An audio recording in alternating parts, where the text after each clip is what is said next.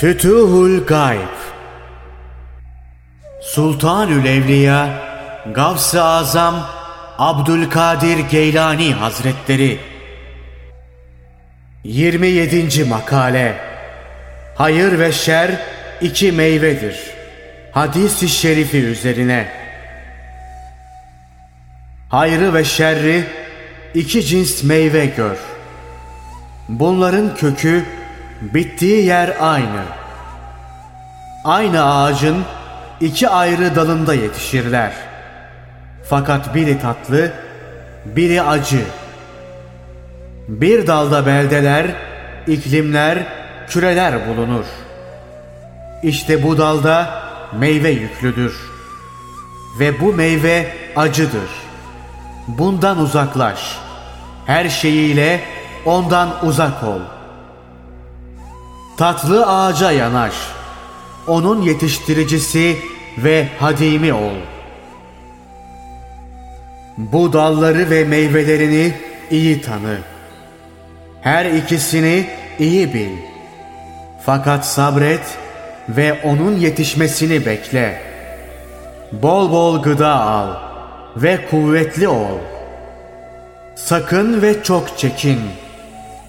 Acı ve tatsız meyveli ağaca yanaşma. Ondan yediğin an helak olursun. Onun acısı seni helak eder.'' Daima dikkatli, ölçülü olmalısın. Elinde ölçü olarak Allah'ın peygamberinin sallallahu aleyhi ve sellemin emri olmalı. Bu ölçüler elinde olmadan meyveleri ayırt etmek senin için kolay olmaz.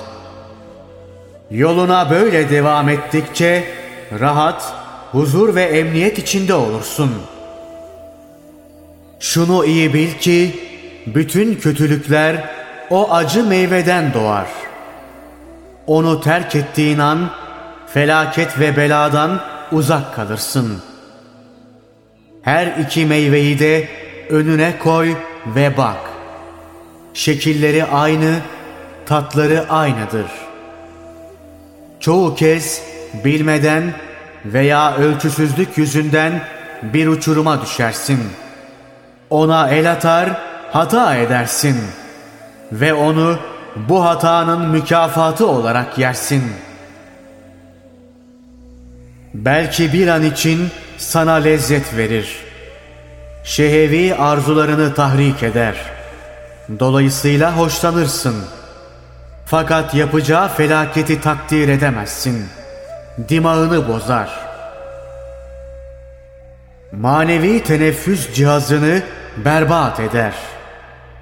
Bütün acılığı damarlarına yayılır. Vücudun bütün parçalarını kaplar. Sonra yapacağı felaketler saymakla bitmez ki. Bu durumda belki bir an kendine gelir, ağzındaki acıyı gidermek için su alırsın. Ama çaresiz, hiçbir fayda vermez.'' Çünkü o zehir vücuduna yayılmıştır. Eğer ölçüleri iyi kullanıp tatlı meyveyi yeseydin durum böyle olmazdı. Her halinde iyilik görünür ve bütün varlığın hoşlukta toplanırdı. Hal malum. İkinci bir iş yapman lazım. Bu muhakkak bilinmelidir ki ikinci sefer el atacağın acı meyve olmamalı. Eğer bir daha düşersen kalkman zor olur. Az önce anlattıklarım birer birer felaket halinde başına çöker, kurtulamazsın. İyilik timsali olan ağaçtan ve meyveden uzaklaşma. Onu bilmemezlikten gelme.'' Her yerde onu ara ve onunla olmaya bak.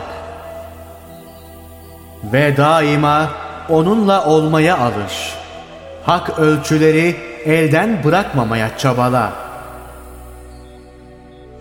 Bir daha hatırlatmak lazım gelirse hayır ve şer ilahi birer fiildir. Bunların faili ilahi kudret ve yürüten o kuvvettir. Nasıl ki Allahü Teala Allah sizi ve yaptığınız işleri halk etti buyurur. Peygamber Efendimiz sallallahu aleyhi ve sellem de bu manaya işaret ederek şöyle buyurur. Allah zalimi de zulmü de yarattı. Kulların yaptıkları iş bizzat ilahi kudretin eseridir. Yapılan işin ne olacağını Allah haber veriyor. İşte bu durum hakla mahluk arasındaki farkı gösterir.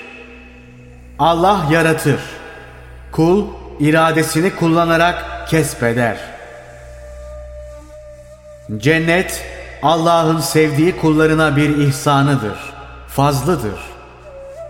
Oraya bu ihsan ve fazılla girilir. Ayrıca dereceleri dünyada yapılan iyi amellerle verilir. Peygamber Efendimiz sallallahu aleyhi ve sellem bir hadisi şerifinde şöyle buyurdu. Hiç kimse ameliyle cenneti kazanamaz. Buna karşılık bir sahabi sen de mi ya Resulullah diye sorunca cevaben evet ben de şu var ki Allah beni rahmetine gark etmiştir buyurdu ve elini başı üzerine koydu. Bu hadisi şerifi Allah ondan razı olsun Hazreti Ayşe rivayet etmiştir. Sen ilahi emre uyduğun, kötü yollardan kaçtığın müddet korkma. En doğrulukla Hakk'a teslim ol. Şerden korunursun. Hayır ve fazilet seni bulur. Din ve dünya yönünden ilahi bir muhafaza içinde olursun. Dünyadaki halin şu ilahi sözle anlatılır. Böylece ondan kötülükleri geri çevirdik. Çünkü o bizim ihlas sahibi kullarımızdandı.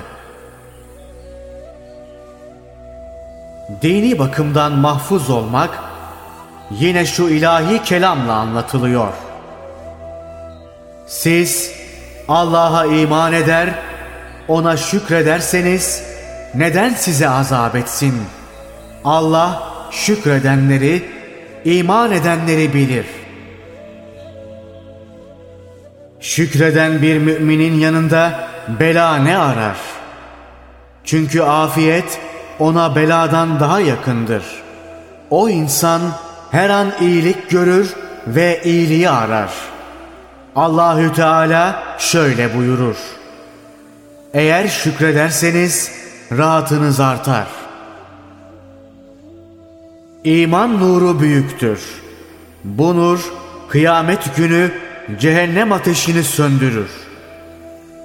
Dünya belası cehennem ateşi yanında hiçtir.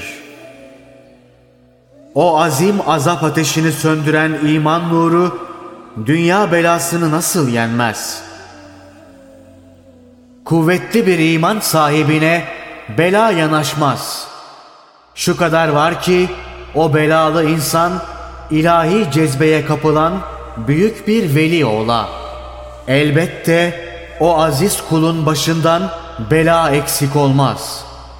Çünkü bu hal dünya kötülüklerinden saklar.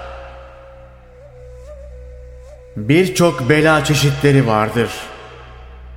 İnsanın dünyevi sefahattan korunması için paradan yana nasipsiz olur. Şehevi arzuların ölmesi için bazı zahirde nimet gibi görünen şeylerden mahrum olur. Halkın sahte teveccühünden azad olması için sevgilerini kazanamaz. Çeşitli isimler takar, ondan hoşlanmazlar. Bu hal dışta bir felaket gibi görünür. Fakat değildir.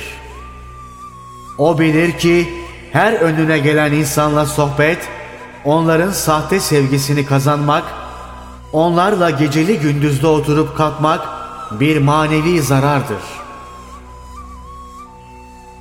Manen yükselmeye namzed olan büyük insanlar sayılan belalara düçardır. Fakat onlar için bu bela değil bir rahmettir. Bu zahirde bir bela gibi görünen ilahi rahmet sayesinde kalp temiz olur. Hakkın tevhidinden başka bir şey kalmaz. Kalp yalnız ilahi marifetin yeri, ilahi ilim ve feyzin kaynağıdır. Nura kavuşmak, hakka ermek ve ona yakınlığın yolu oradan geçer.'' Bu kalp tek şey için yaratılmıştır. İkincisi sığmaz. Ayet Allah iki kalbe sahip bir kişi yaratmamıştır. Bir kalpte iki sevgi yaşayamaz. Padişahlar bir beldeye girince orayı darmadağın ederler. Eşrafını zelil ederler.'' İşte bu yüzdendir ki ilahi sevginin girdiği yerde başkalarına iş kalmaz. Başkasının sözünün geçtiği yerde ise ilahi feyz olmaz. Kalbinden kötülükleri at. Göreceksin ki ilahi feyz her yanını sarmış. Kalbindeki sevgi, şeytan, nefs ve şahsi arzular olunca senden iyi hareket çıkmaz. Her hareketin isyan, boş ve lüzumsuz şeyler olur. Çünkü senin efendin şeytan olmuştur. Ama kalbinde ilahi sevgi yer tutunca o zaman göreceksin ki her kötülük kendiliğinden yok oluyor. Zaten kalp yalnız ilahi tevhid ve ilahi marifet için yaratılmıştır.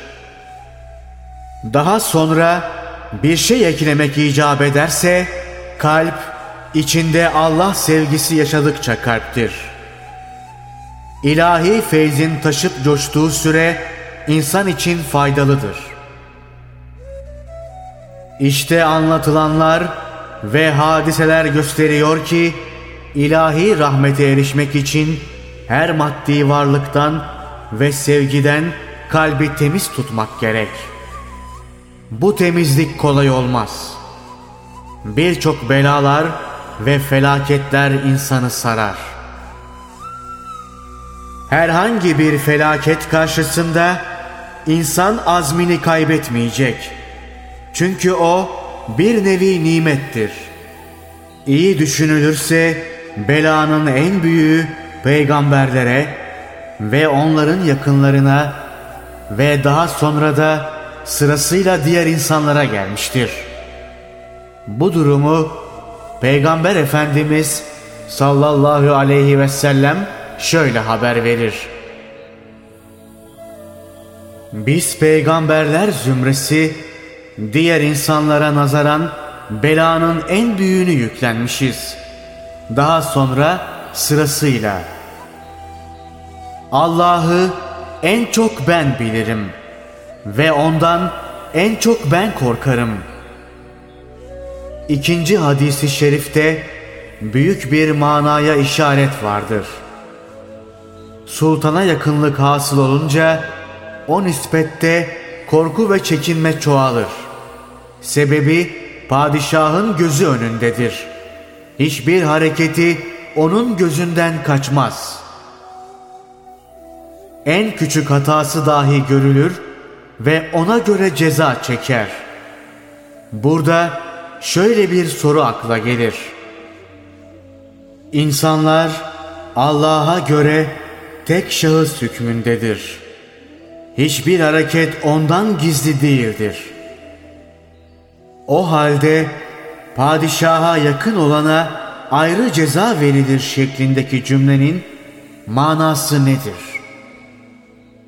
Biz buna cevap olarak deriz ki derece yükseldikçe rütbe büyüdükçe hatalar gözle görülür.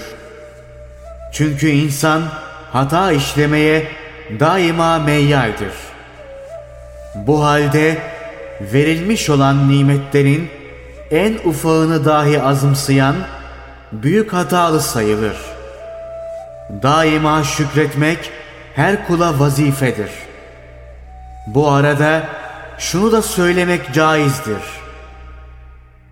Bir veli, bir Allah dostu için azıcık ibadetten yaya kalma büyük bir hatadır.